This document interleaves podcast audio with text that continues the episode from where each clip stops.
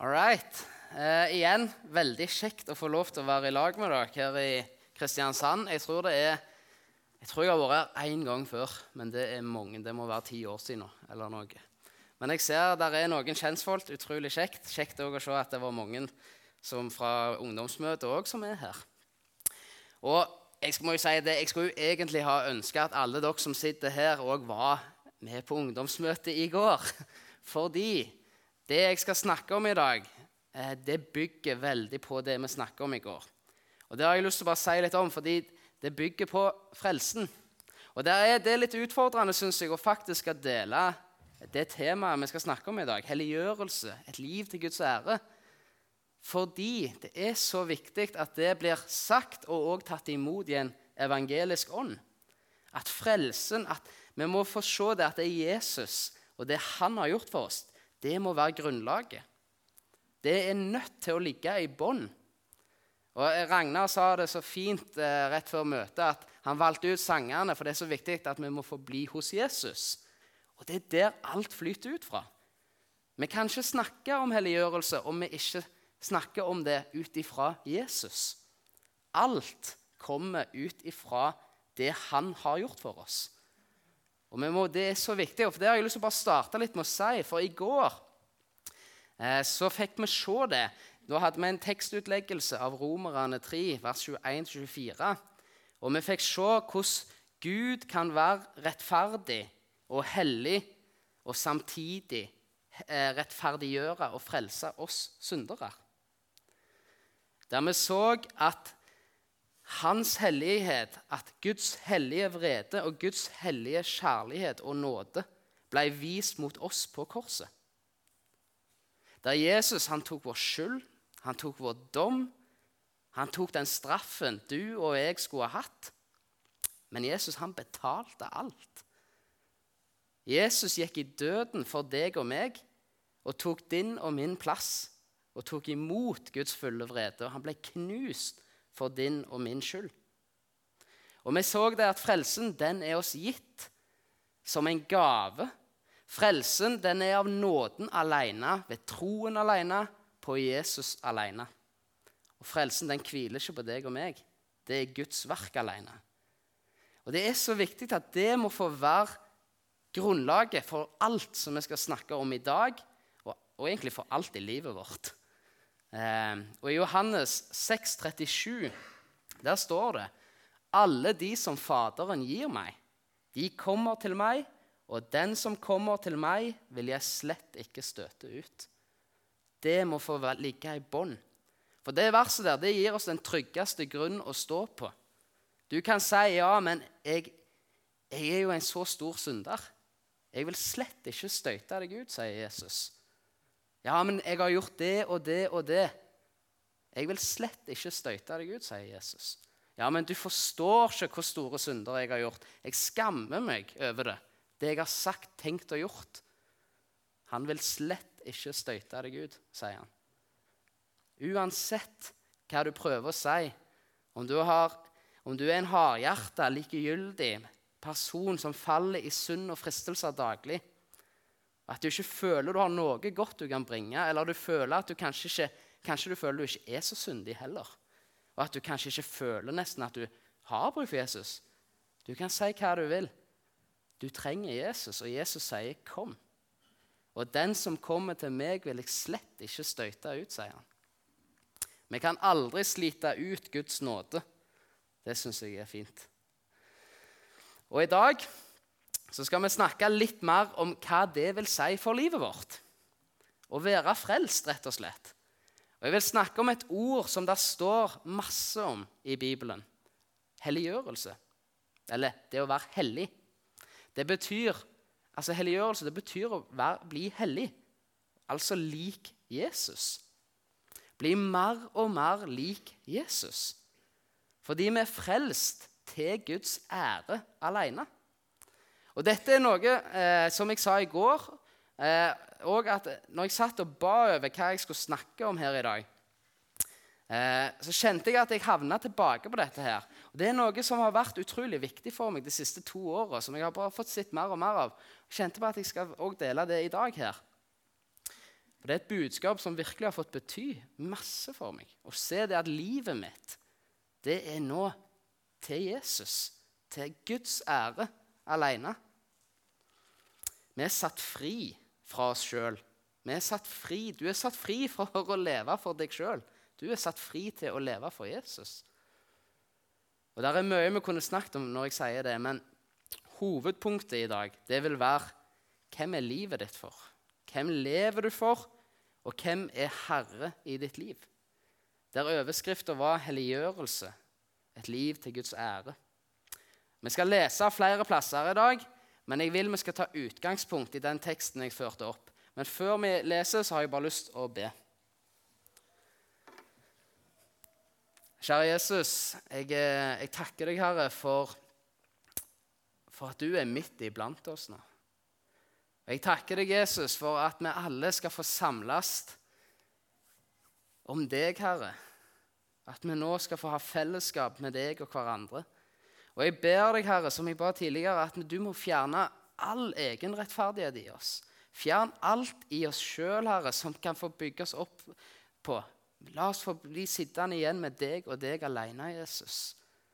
Og få se det at et liv i lag med deg, Herre, et liv til din ære, det skal få gi oss glede.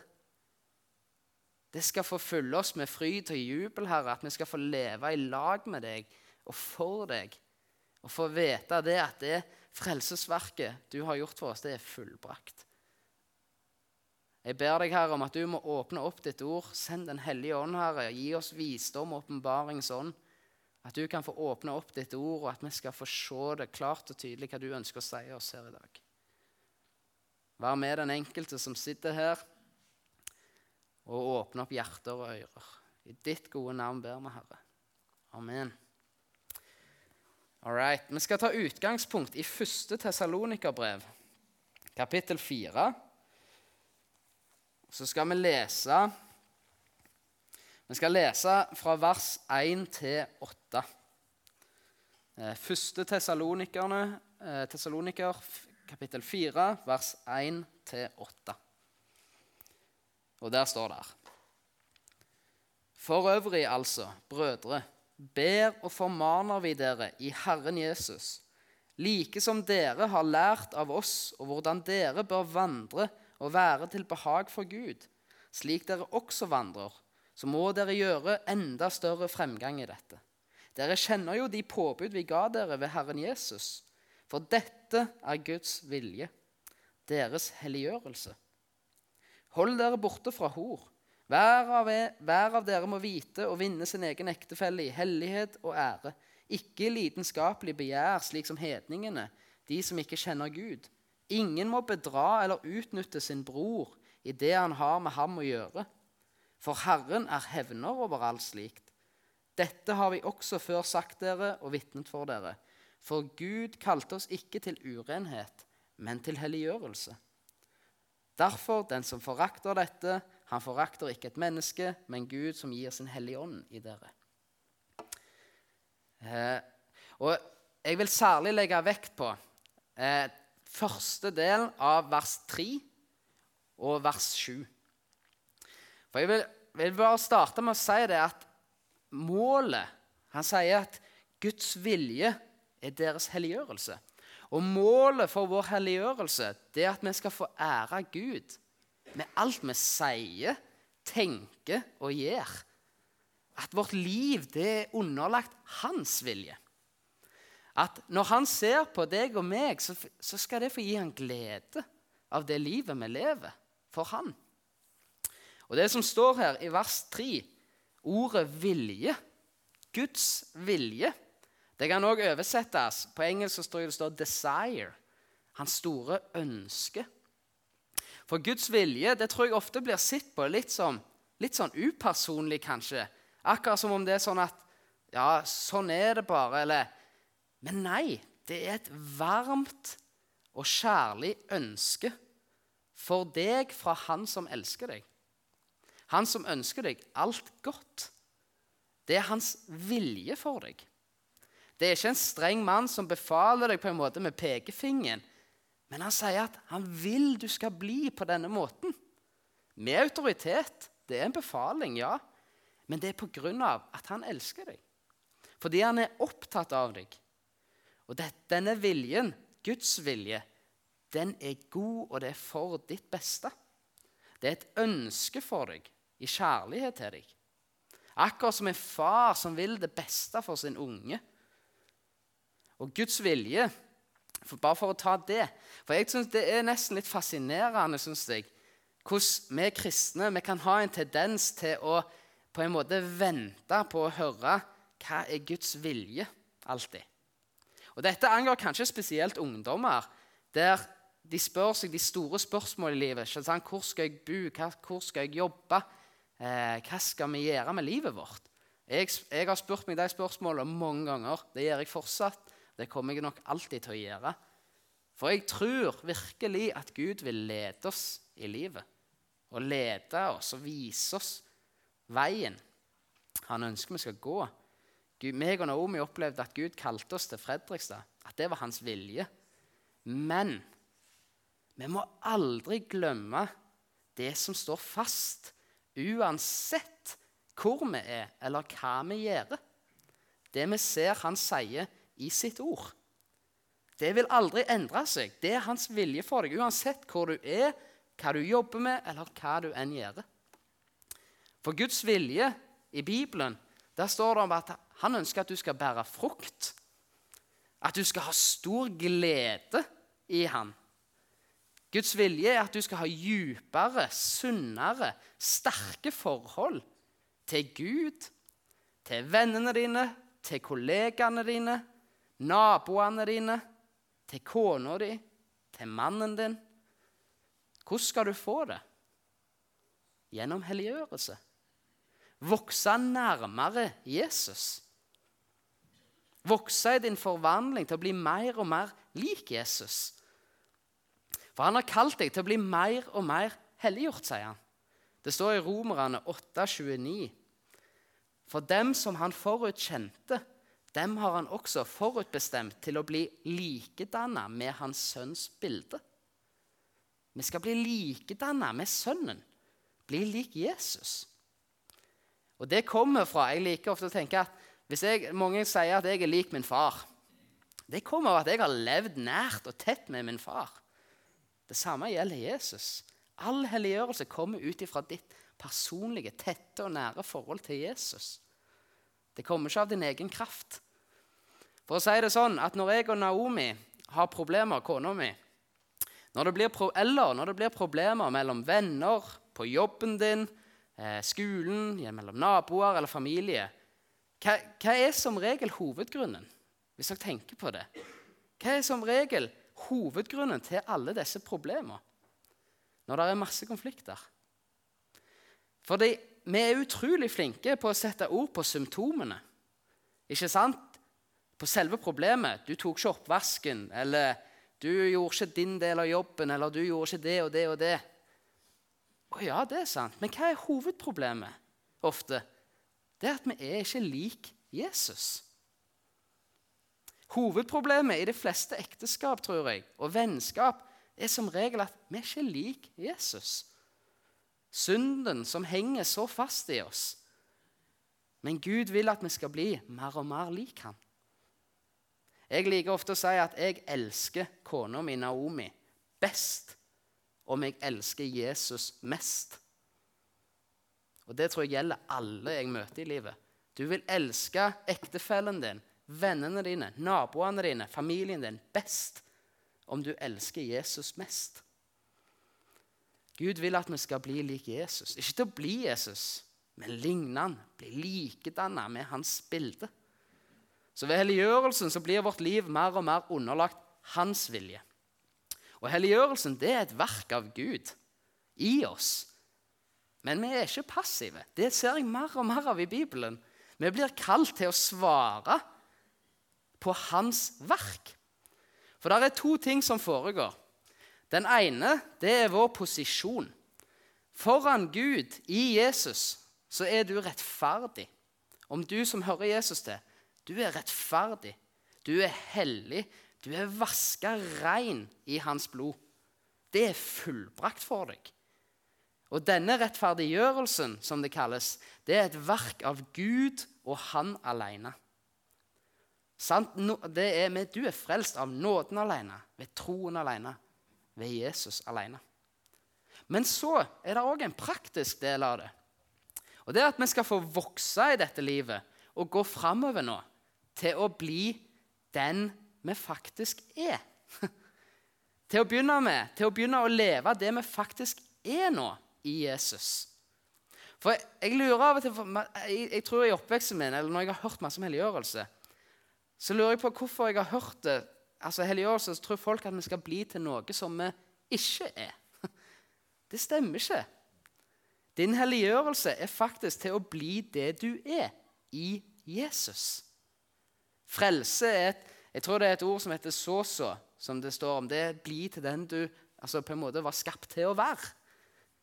I Jesus så er du hellig. Du tilhører ikke lenger deg sjøl. Din vilje er nå bundet opp mot hans vilje. Du tilhører han. Og han kommer til å virke i deg. Og det er et, det er et konstant arbeid. Det er ikke det, det, å være kristen. Jeg ble kristen da jeg var 18 eller 19 år. Og da kjente jeg på at ja, der er masse. Der er et arbeid, kjente jeg, i meg som var godt å få ta del i. For jeg ble frigjort fra meg sjøl og ble fri til å være i lag med Jesus. For å leve det nye livet som er for ham. Og Dette er en prosess der vi skal få vende oss vekk fra det gamle liv og vokse i det nye livet. Med korset som fundament for dette livet. Og det er åndens verk. Det er Den hellige ånd som vil virke i deg for akkurat dette. Og Jeg har ofte lenge tenkt på at jeg gleder meg til jeg blir gammel. Jeg gleder meg til jeg blir gammel. For jeg tror det, jo eldre jeg blir, så håper jeg at jeg kommer nærere og nærere Jesus. Jeg gleder meg. Og Helliggjørelse for det er en livslang prosess der du skal få vandre i ånden, leve med Herren. Du vil aldri bli sunnfri. Du, du, vil ikke plutselig våkne opp en dag og der alt har blitt snudd opp ned, og du vil aldri falle i synd igjen. Du vil aldri bli sunnfri i dette liv, ikke før du blir henta hjem. Men Guds ord det gir oss aldri det som en unnskyldning for at da skal vi få bruke nåden som en hvilepute. holdt jeg på å si. Vi skal få ta vår helliggjørelse på alvor. Rett og slett at vi skal få leve vårt liv til ære for Gud. Fordi vi er blitt gjort hellig, så skal vi leve hellig. Står det i Peters brev. Vi må trakte etter det vi nå faktisk har fått blitt i Jesus. Og Et godt bilde på det det er ei jente. Hun skulle bli dronning. Hun var tolv år. Det er ikke sann historie. altså. Alle var, og alle var litt redde for dette. her, ikke sant? For det, Hvordan skal det gå at hun skal bli dronning? Se på det livet hun lever. Det livet hun levde, var virkelig ikke et liv for ei dronning. Men så plutselig en dag så snudde det om. For hun brydde seg ikke. Men så snudde det litt om, så spurte de henne hva er det som gjør at du har snudd om og lever nå som du gjør. Så sa hun det. Jo, jeg fikk vite at en dag så skal jeg bli dronning. Jeg er nødt til å begynne å leve som det er nå, frem til jeg blir det. Det er haltende bilder. Alle bilder er haltende. Men Bibelen lærer oss det, at det meste som er skrevet, er faktisk skrevet til en hjelp for oss til å forandre oss. For at du nå skal få lære deg å ta av deg de gamle klærne, som det står i Kolosserbrevet, og ta på deg de nye som passer til den du har blitt gjort lik, til den du har blitt gjort til, den nye skapningen. At Det gamle er at du levde for deg sjøl og din egen ære, mens det nye er at du nå skal få leve for Han og til Hans ære. Det er Guds vilje. Du tilhører Han nå. Og det står i 1. Korinterne 6 1. Korinterbrev, kapittel 6, vers 19-20. Der står det eller vet dere ikke at deres legeme er et tempel for Den hellige ånd som bor i dere, og som dere har fått fra Gud? Dere tilhører ikke lenger dere selv. Dere er dyrt kjøpt. La da legemet være til ære for Gud. Jeg skulle gjerne likt å ta med i Romer, altså Romerbrevet kapittel 6 også snakker masse om dette. her. Les det når du kommer hjem, studer det. Helliggjørelse er at ditt liv og dine handlinger skal bli passende for den du faktisk er. Og hvem er du? Du som tror på Jesus, som er i Han. Du er den nye skapningen. Du er frelst. Du er hellig. Du tilhører ikke lenger deg sjøl, som det sto. La livet ditt få være til ære for Gud. For Guds ord det sier at nå er vi døde. Det å komme til Jesus er å dø for oss sjøl. Og det livet vi nå lever, det tilhører ikke lenger oss, men for Han som elsker oss og ga seg sjøl for oss. Det står i Galaterbrevet kapittel 2, vers 19 og 20. Der står det Jeg er korsfestet med Kristus. Jeg lever ikke lenger selv, men Kristus lever i meg. Det liv jeg nå lever i skjødet, det lever jeg i troen på Guds sønn, han som elsket meg og ga seg selv for meg. For den store synden, altså ved syndefallet, hva skjedde? Jo, mennesket ble herre i sitt eget liv. Og når du blir frelst, så må du legge ned hele ditt liv. Fordi du kan ikke stille opp med en eneste rettferdig gjerning foran en hellig Gud. Det nye livet du får ved gjenfødelsen, da lever du ikke lenger som herre over ditt eget liv. Din vilje, ditt liv, er nå bundet opp mot Jesus, til å følge Han. Og, vil, og vi vil komme i en stor kamp. Det er det mange her inne som har kjent på, tror jeg en krig, faktisk, mot vårt eget skjød og lysten i oss. Fordi Gud, han er nå vår Herre. Hva sier Guds ord? Jo, elsk Gud og elsk din neste. Livet ditt handler ikke lenger om deg sjøl, men for Gud og de rundt deg. Og det her er på en måte to viljer i deg som er i krig mot hverandre. Den gamle naturen i deg som har lyst å leve for deg og la du få være herre i livet ditt. Men Gud sier nå at det er Han han skal få være herre i livet ditt. Du er kalt til å være den du nå er i Jesus.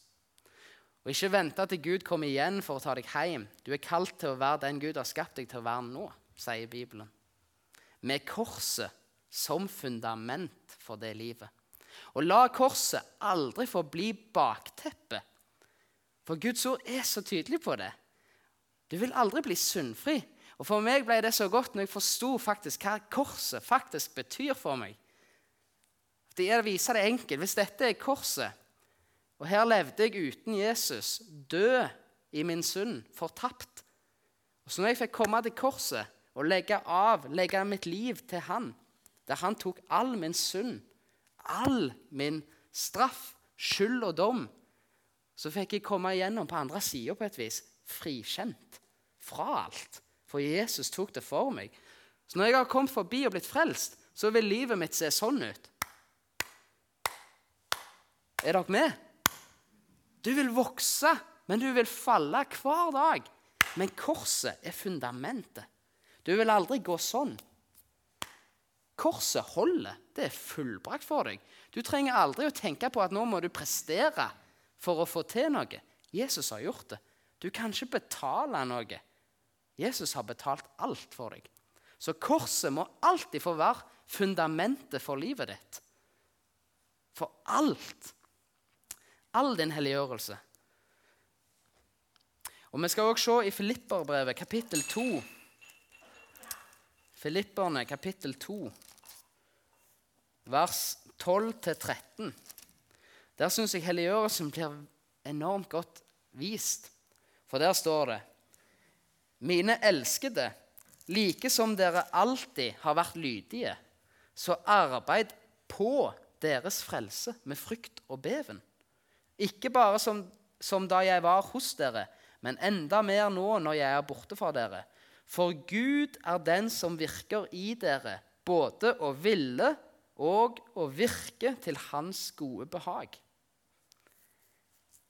Han virker og vi blir kalt til å svare. Det står 'arbeid på deres frelse'. Det står ikke 'arbeid for din frelse'. Det betyr at du har blitt frelst ved Guds ord, ved Jesus og hans stedfortredende død på korset, der han tok alle dine synder. Det er fullbrakt.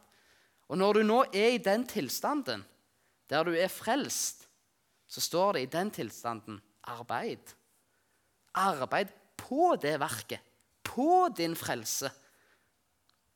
arbeid adlyd hans vilje fordi du er frelst, står det. Det må være grunnlaget. Det er kildene som fører oss til å arbeide og leve og svare på det han har gjort for oss. Til å vokse i kjennskap til han, vokse nærere han, vokse i vår tro til han. Og Dette er viktig, for det står og dette skal vi få gjøre i glede. Bli i Jesus, står det i Johannes 15, og hans glede vil være i deg.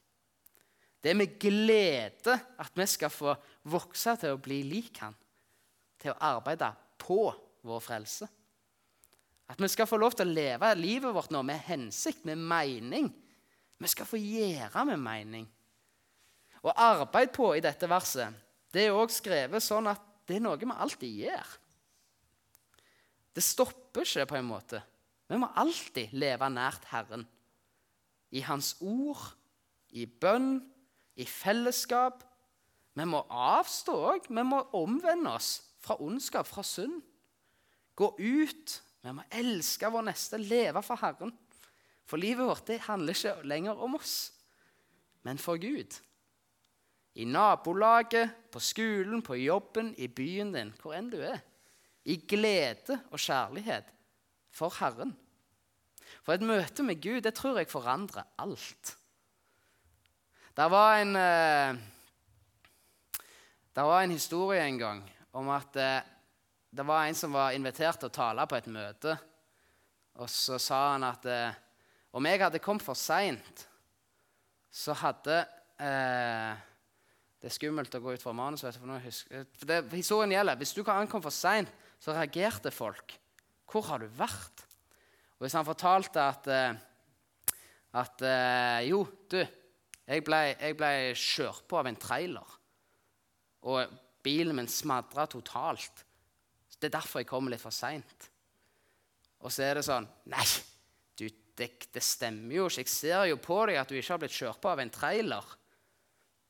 Hvorfor? Og så sa han Hvorfor er det sånn at vi er mer, eh, mer overraska av en person ikke viser på en måte, Der viser ikke noe på en person av at han har blitt kjørt på av en trailer, enn om en person har møtt Gud, sa han. Et liv, Når du møter Gud, så forandrer det alt. Livet ditt nå er for Han. Vårt sinn er fornya, og vi stiller oss fram til Guds behag, står det i Romerne 12. For ditt sinn det fornyes med å leve med Jesus, hans ord. Vi lever ut det vi tror på. Og Det var en mann som sa det en gang. Our biggest fear should not be of failure, but succeeding in the things that don't really matter. På norsk vår største frykt må ikke være av å feile, men å gjøre stor suksess i de tingene som faktisk ikke betyr noe. I Lukas 9 så står det Hva gagner det et menneske om han vinner hele verden, men mister seg sjøl? Det at du og jeg skal få bringe Gud ære, glede. At vårt liv skal få være til ære for ham. Og at vi skal få ta og gi det videre til de rundt oss. Forkynne evangeliet i ord og gjerninger. Tro meg, vi vil feile i alt.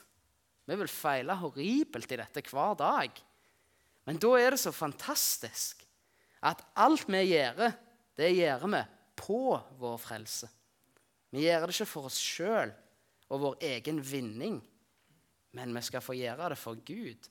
Feiler vi, så reiser han oss opp, og han sier, 'Kom til meg. Jeg vil ikke støyte deg ut.' Uansett hvor mye vi svikter. Han reiser oss opp fall etter fall. Han er trufast når vi er troløse. Så på et vis trenger vi ikke være redde for å feile. Han som personen som fikk talentet og gravde det ned.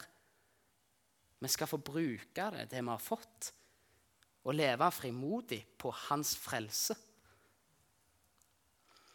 Vi lever på Jesu fullbrakte verk, og vi skal frimodig få tjene Gud med vårt liv. Stole på Han, at Han er den som virker, og at Den hellige ånd vil virke i oss. Så hvis jeg skal prøve å koble litt nå, det jeg, har, eh, det jeg ønsker å få sagt i dag så er det hvem er herre i livet ditt. Mandag, tirsdag, onsdag, torsdag, fredag, lørdag, søndag. Hvem lever vi for? Og jeg synes det, eh, det, er en fin måte som ble sagt. Der er noe i Stavanger som heter Logos, som er en bibelundervisning. Og Der hørte jeg en, en undervisning fra en som heter Kristian Landro. Han sa det på en veldig fin måte, syns jeg. For der han sa 'Hvem sier du Gud er?' spurte han. 'Hvem sier du han er?' Og når, du, når folk får det spørsmålet, så kan du få masse svar. Det kan ofte ha mye med oppvekst å gjøre. ikke sant? Vi ser jo Gud blir definert på all slags forskjellige måter i dag. Gud er det, men så er han plutselig noe helt annet en annen plass. Vet du hva Gud sier? Og Han sier flere ganger i Bibelen, f.eks. ved Moses og den brennende busk, så sier han 'Jeg er den jeg er'. Ikke den du sier jeg er. Jeg er den jeg er. Jeg er den jeg er, sier Gud. Og det vi ser, er at det er ikke lov, for, det er ikke lov for oss å definere hvem Gud er. Han er den han er. Jeg og deg vi er nødt til å finne ut hvem han sier han er. Og Dette er så viktig, for hvem er det som har lov å definere noe? Det er den som eier det, ikke sant? Ingen eier Gud. Han er den eneste som får lov til å definere hvem han er. Men du og meg, da? Hvem er det som eier oss? Når du er gjenfødt, født på ny Det er ikke opp til deg lenger å få definere hvem du er. Du er ikke en tømrer, og du prøver å være kristen som tømrer. Nei. Den som eier deg, er den som får definere hvem du er. Når du blir frelst, så er det Gud som er herre i ditt liv. Han er din herre, og han sier, 'Du er hellig'. Du er Guds barn. Du er vaska rein, du er kristen. Du er nå misjonær. Det vil si, du er misjonær, og akkurat nå er du kanskje lærer eller pensjonist som misjonær. Er du med? Du gjør det som du er. Er du tannlege, så fikser du tenner. Er du lærer, så underviser du. Er du betongarbeider, så arbeider du med betong. Du vil ikke ha en betongarbeider inn i tennene dine og behandle dem på samme måte som man gjør med betongen. Ikke sant? Hvis du er synder, da, da vil du synde. Men nå er du hellig, sier Jesus. Det vil si, Da forandrer det seg. Nå vil vi ikke lenger leve i synden lenger. Vi vil vende oss vekk fra synden. For nå er vi hellige. Nå vil vi leve for Han. Det er den vi nå er. Så Helt til slutt så vil jeg bare lese fra to plasser. Eh, første Korinterbrev, kapittel 10 fra vers 31. Og der står det Enten dere eter eller drikker, eller hva dere så gjør, så gjør det til Guds ære. Vær ikke til anstøt, verken for jøder eller for grekere eller for Guds menighet. Slik prøver også jeg i alle ting å gjøre det beste for alle. Jeg søker ikke mitt eget gagn, men de manges, slik at de kan bli frelst. Bli mine etterfølgere, like som jeg etterfølger Kristus. Så har jeg òg lyst til å lese fra Apostlenes gjerninger, kapittel 20, vers 24.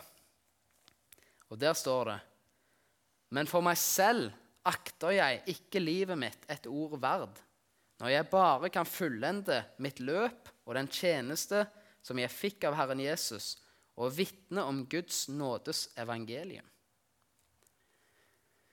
Og mitt ønske for livet, det er at en dag der jeg skal få møte Gud, så ønsker jeg at jeg skal få møte han, og jeg ser for meg at han skal møte meg med åpne armer.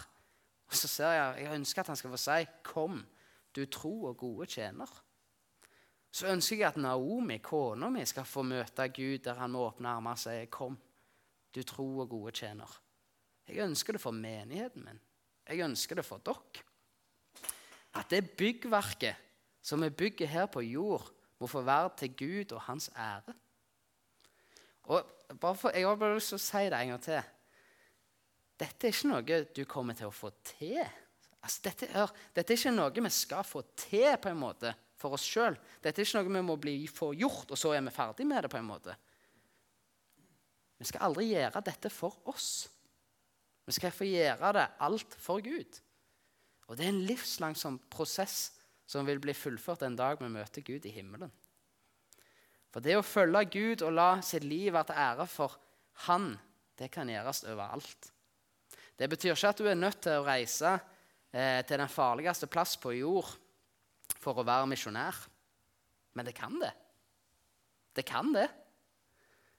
Og det, det gjelder faktisk alle her inne, tror jeg. Fordi eh, jeg leste nettopp en, gammel, en eh, biografi av en gammel engelskmann som heter George Muller.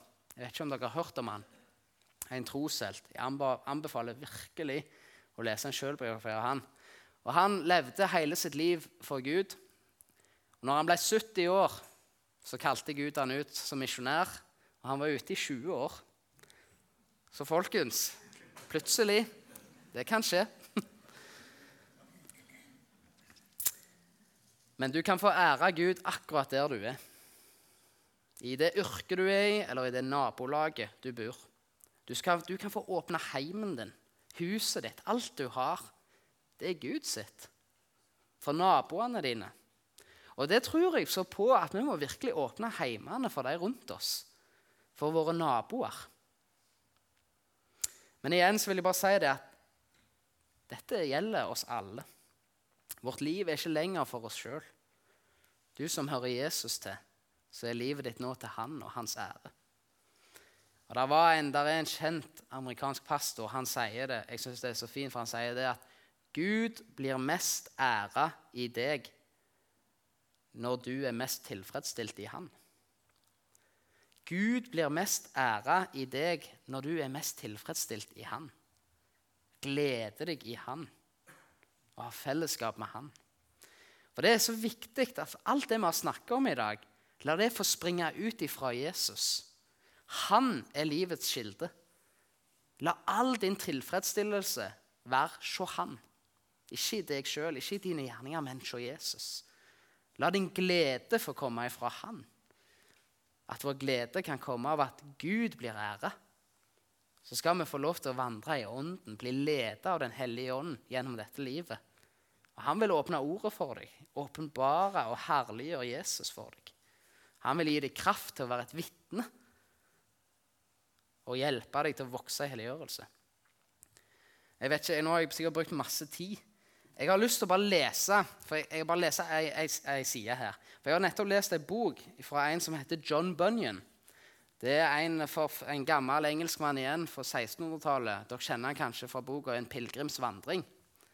Anbefaler veldig å lese det. Men jeg har bare lyst til å lese ei side han, han, har skrevet her. Avslutte med det. Og Han skriver Ved Jesu Kristi dyre blod blir sjelen også helliggjort. Jesus led utenfor porten for at han ved sitt eget blod kunne hellige folket. Det finner, det finner en forandring et sted. En forandring i erkjennelse. I vilje, i sinn, i tilbøyeligheter, i meninger og også i samvittigheten. Det blir både en indre og en ytre forandring. En forandring som vedrører alt fra hode til fotsåle, som vi sier. Dersom noen er i Kristus, og altså under nådens pakt, da er han en ny skapning. Han har blitt født to ganger, født på ny. Nå har sjelen satt kursen for himmelen og herligheten. Nå roper den ut, 'Herre, og mitt høyre øye forarger deg, da riv det ut.' 'Og min høyre fot eller hånd ikke behager deg, da fjern dem.' Nå blir sjelen opptatt med å finne ut hvordan den kan ære Gud og forherlige ham. Nå gjør den seg rede til å møte Kristus når han skal komme igjen. Og den forsøker å legge av alt som hindrer, og tilegner seg alt som hjelper den til å være beredt på den dagen. Og alt dette som vi starta med, og alt dette virkes ved en evangelisk ånd, og ikke ved den kraft mennesket har av naturen.